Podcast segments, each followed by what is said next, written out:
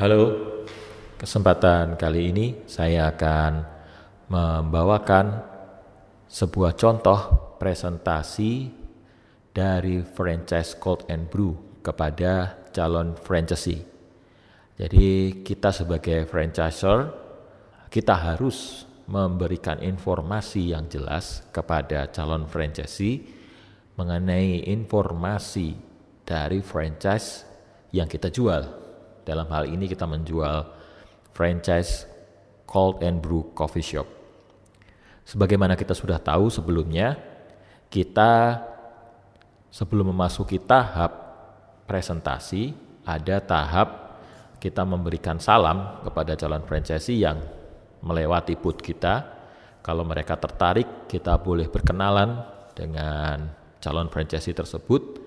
Untuk selanjutnya, kita memberikan presentasi ini. Dan nanti ada tahap selanjutnya, yaitu tahap bertanya respon kepada mereka. Atau syukur-syukur mereka sudah merespon sendiri secara otomatis dengan memberikan pertanyaan-pertanyaan mengenai presentasi dari kita masing-masing. Baik, sebelum saya menjelaskan sekali lagi saya mungkin menyampaikan bahwa presentasi ini adalah hal yang penting untuk kita sampaikan kepada calon franchisee. Kita sebagai franchisor harus memberikan informasi yang jelas, yang menarik, namun tetap efektif, singkat ya kepada calon franchisee. Nah, dari perspektif franchisee pun mereka juga membutuhkan informasi yang jelas dan menarik. Apakah kita bisa menyampaikannya dalam waktu yang efektif? Nah, ini saya akan mencoba memberikan contoh kepada kita semua tentang presentasi franchise Cold and Brew kepada calon franchisee. Nah, nanti di akhir saya akan breakdown dan jelaskan kerangka-kerangka dari presentasi yang sudah saya sampaikan. Jadi nanti di awal saya akan memberikan contoh bagaimana saya mempresentasikan tentang franchise Cold and Brew, tentang bisnis daripada Cold and Brew, outlet-outlet Cold and Brew Coffee Shop, dan nanti di akhir kita akan sama-sama bedah bagaimana saya mempresentasikan hal tersebut. Dan saya harap kita semua juga dapat menggunakan metode ini secara bersama-sama dan tidak menjadi masalah kita menyampaikan ini berulang-ulang kepada orang yang berbeda. Karena semakin kita sering mengucapkannya atau menyampaikannya, semakin kita memahami dan semakin kita mahir, kita juga semakin memah, uh, mengerti bagaimana karakter masing-masing dari calon franchisee ataupun juga uh, kita sebagai franchisor, pemberi franchise. Baik, saya akan memulainya. Setelah tahap berkenalan dan kita memberikan meminta waktu untuk menjelaskan kepada calon franchisee. Katakanlah lawan bicara saya calon franchisee ini bernama Bapak Budi. Kira-kira beginilah percakapannya. Baik, Pak Budi, uh, boleh saya jelaskan sedikit tentang bagaimana outlet-outlet kami berjalan, Pak? Ya, jadi ceritanya gini, Pak. Kita sekitar tahun 2016, ya kita dari kota Solo sih, Pak. 2016 pada saat itu tuh belum terlalu rame bisnis coffee shop Pak ya. Tapi kita coba untuk memulai bisnis tersebut dimulai dari tiga founder kami yang punya latar belakang mereka itu dulu kuliah di Australia. Dan ketika mereka balik ke sini ke Indonesia di Solo tepatnya mereka tidak punya tempat yang proper untuk mereka mengerjakan usaha mereka di Solo. Karena biasanya mereka kalau di tempat perkuliahan mereka di Australia dulu kalau mereka nugas itu Pak mereka itu bisa pergi ke cafe ke coffee shop di tempat dekat-dekat kampus mereka. Nah di Solo itu pada waktu itu nggak ada. Dan akhirnya mereka buat sendiri tempat tersebut yang akhirnya juga jadi usaha pada saat itu. Nah singkat cerita tahun 2018 kita mulai ekspansi Pak, karena memang diniatin kita punya konsep yang oke okay pada saat itu. Dan pada tahun itu coffee shop udah mulai booming ya, rame Pak. Jadi 2018 kita mulai ekspansi sampai uh, kita banyak-banyaknya ekspansi itu tahun 2020 sampai sekarang ini kita kira-kira ada 12 outlet, 7 outlet udah running, yang 5 akan buka sudah proyek. Jadi kita ada di kota Solo, Klaten, Jogja, Salatiga, Magelang, sama Semarang. Nah ini bentar lagi mungkin habis ini di Surabaya Pak di sini. Nah, jadi kenapa kita milih uh, founder-founder kita ini milih menjalankan bisnis di coffee shop Pak? Karena konsumsi kopi per kapita di Indonesia ini Pak itu masih relatif rendah. Jadi kalau Pak Budi pergi ke luar negeri, uh, coffee shop itu sudah seperti keseharian orang-orang ya. Jadi kalau di kita sekarang ini uh, kayak coffee shop bisnis kopi ini kayak masih jauh, masih jauh sekali uh, levelnya dibanding dengan negara-negara di luar sana. Jadi potensinya sangat tinggi pak. Dan coffee shop bisnis kopi sendiri di negara kita ini masih berhubungan erat sekali dengan uh, lifestyle pak ya gaya hidup. Kalau kita perhatikan sekarang kan orang-orang muda ini nggak pernah lagi tuh kalau dandan nongkrong perginya nggak ke mall pak, ya kan? Mereka pasti perginya ke mana? Ke kafe, ke coffee shop. Nah ini masuk ke dalam market kita dan potensi bisnisnya ini, potensi marketnya ini sangat besar banget potensinya ini di kelas menengah ke atas sih pak. Kalau uh, dari analisa kami. Balik lagi Pak ke Cold and Brew ya. Kenapa sih harus menjalankan outlet Cold and Brew? Kenapa kita harus beli franchise-nya Cold and Brew ya Pak ya? Jadi kita punya kelebihan Pak. Kenapa? Pertama kita punya kualitas produk yang bagus. Dan kita punya private roastery uh, dari hasil biji kopi biji kopi pilihan tersebut itu menghasilkan produk-produk minuman yang berkualitas. Tidak cuma kopi dan kita punya tim development juga. Kita punya menu-menu yang lain yang hampir setiap bulan kita keluar menu yang baru untuk memenuhi kebutuhan customer-customer kita. Selain itu kita juga punya konsep pak. Setiap outlet kita punya konsep yang jelas yang mateng seragam ya. jadi di setiap outlet itu menjadi identitas daripada coffee shop kita lalu di setiap outlet itu salah satu konsepnya kita juga kita punya fasilitas untuk uh, pekerja. Jadi ada co-working, tempatnya juga luas, cocok juga untuk kegiatan di tengah pandemi ini Pak ya.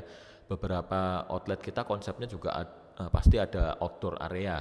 Karena kan sekarang orang banyak juga yang uh, paranoid Pak ya kalau pergi ke tempat-tempat umum yang tempatnya kecil, banyak orang rame kan kadang orang takut. Nah, kita ada juga yang tempatnya terbuka. Jadi ya walaupun pandemi ini sudah mereda tapi ketakutan orang itu kan kita pahami. Jadi kita setiap outlet masing-masing punya konsep yang matang, Pak, dari fasilitas termasuk dari fasilitas itu. Kita juga punya target marketnya kita tuh spesifik, Pak. Kita target market kita di grade B ke A, jadi menengah ke atas jadi kita punya karakter yang pas outlet-outlet kita dengan target market kita ini. Selain itu kita juga selain apa tadi saya dijelaskan di awal Pak, kualitas produk kita ya itu didukung juga dengan peralatan-peralatan yang proper. Kita mesin kopi minimal Pak kita untuk outlet contoh untuk ruko dengan luasan 400 meter square. Jadi kita pakai mesin Simonelli ya yang Nova Nova yang terbaru itu sih Monel tapi kalau untuk biasanya nanti yang outlet yang sedikit lebih besar ya kita itu pakai dari Simonelli juga namanya Eagle One jadi ini produk mesin kopi terbaru yang digunakan untuk kebutuhan yang tinggi dengan kapasitas yang besar Pak ya untuk memproduksi kopi-kopi espresso yang cepat dan kebutuhan yang besar. Nah, lalu kalau Bapak Pak Budi pengen join sama Cold and Brew atau pengen beli franchise-nya Cold and Brew itu gimana caranya Pak ya? Nah, iya, jadi saya coba mau jelaskan sedikit Pak tentang outlet-outlet kita spesifikasinya. Jadi kita punya standar untuk outlet kita karena konsep kita itu urban kan Pak ya. Jadi sudah saya sedikit jelaskan di awal. Jadi konsep kita tuh urban Pak. Jadi minimal itu ada di tengah kota, ada di jalan-jalan protokol tipe 1 dan tipe kedua.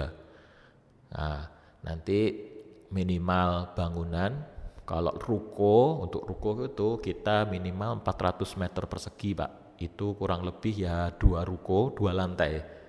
Jadi kalau kita satu ruko sih agak kesulitan operasionalnya ya jadi kalau ruko cuma satu itu nanti kurang lebar pak, karena biasanya eh, antrian di bar itu nanti cukup panjang. Jadi kalau ada dua ruko itu lebih oke. Okay.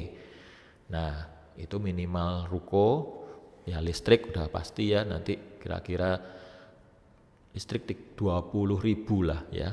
Listrik ada air, ada pump, tempat tadi di jalan yang cukup di tengah kota, lalu bisa juga Pak selain ruko kalau ada tempat kot baru, tempat maksudnya dari nol ya Pak ya atau mungkin renov dari bangunan lama ya minimal 500 persegi juga Pak. Ya 400 500 sih kalau ini lebih ke 500. Jadi ada lahan parkir juga yang oke. Okay. Cuman kalau untuk kota-kota besar kayaknya lahan parkir tuh mungkin jadi PR ya Pak ya. Jadi kita nanti bisa kerjasama sih sama warga mungkin untuk mengelola parkir. Nah, lalu untuk itu spesifikasi bangunannya ya Pak ya. Jadi kalau lebih bangunan lebih dari 500 malah oke banget Pak, nggak masalah. Kita punya outlet beberapa di Jogja itu ada yang luasannya 1000 meter persegi, ada yang 800. Kita di Solo outlet kita yang ketujuh itu 7 hotel kita ketujuh itu luasannya 1.500an Pak untuk operasional. Total sama parkir itu mungkin lebih dari 2.000 meter persegi. Gede banget emang. Nah, kalau Bapak punya tempat seperti itu di tengah kota, wah kita bagus banget tuh Pak, prestis itu. Iya. Lalu untuk nilai investasinya Pak minimal katakanlah untuk ruko Pak ya, ini include sama franchise fee Pak ya. Itu kita mulai dari satu setengah m Pak Nah, rinciannya satu setengah m itu nanti franchise fee pak kita biasa tuh 350 juta, tapi ini khusus untuk pameran ada potongan 100 juta jadi 250 juta pak. Jadi satu juta eh, 1,25 m ini ini nanti eh, nilai investasi dari kira-kira pak ya ini perkiraan ya dari untuk bangunan renov sama peralatan. Nah kalau dari peralatan sendiri kita kira-kira 300 sampai 400 juta. Lalu untuk interior dan renovasinya itu nanti diserahkan ke Bapak. Kira-kira ya saya kasih gambaran ya Pak ya mungkin kira-kira sampai 900, 800, 900 jutaan lah untuk renovasi. Itu nanti semua kita ada guideline-nya Pak. Jadi Bapak nggak perlu bingung. Nanti Bapak tinggal cari arsitek interior. Nah, nanti ada guideline-nya nanti Bapak bisa uh, jasakan ini ke kontraktor ke pemborong supaya mereka bisa mengerjakan renovasinya. Nanti kita bantu untuk ini Pak, untuk handle juga proyeknya. Jadi sesekali nanti ada berkala, secara berkala kami tim juga akan memonitor untuk proyek-proyeknya. Jadi kira-kira begitu Pak. Baik, itulah tadi contoh uh, presentasi tentang franchise Cold and Brew yang saya sampaikan. Nah, mungkin bisa lebih pendek lagi, tetapi saya berharap uh, durasi pada saat kita menjelaskan tidak lebih panjang daripada yang saya jelaskan tadi. Karena kalau terlalu panjang itu akan juga, akan tidak efektif juga bagi kita.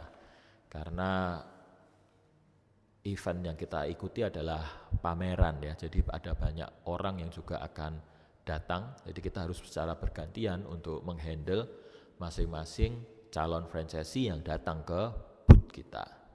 Nah eh, kita akan breakdown ya dari apa tadi yang saya sampaikan.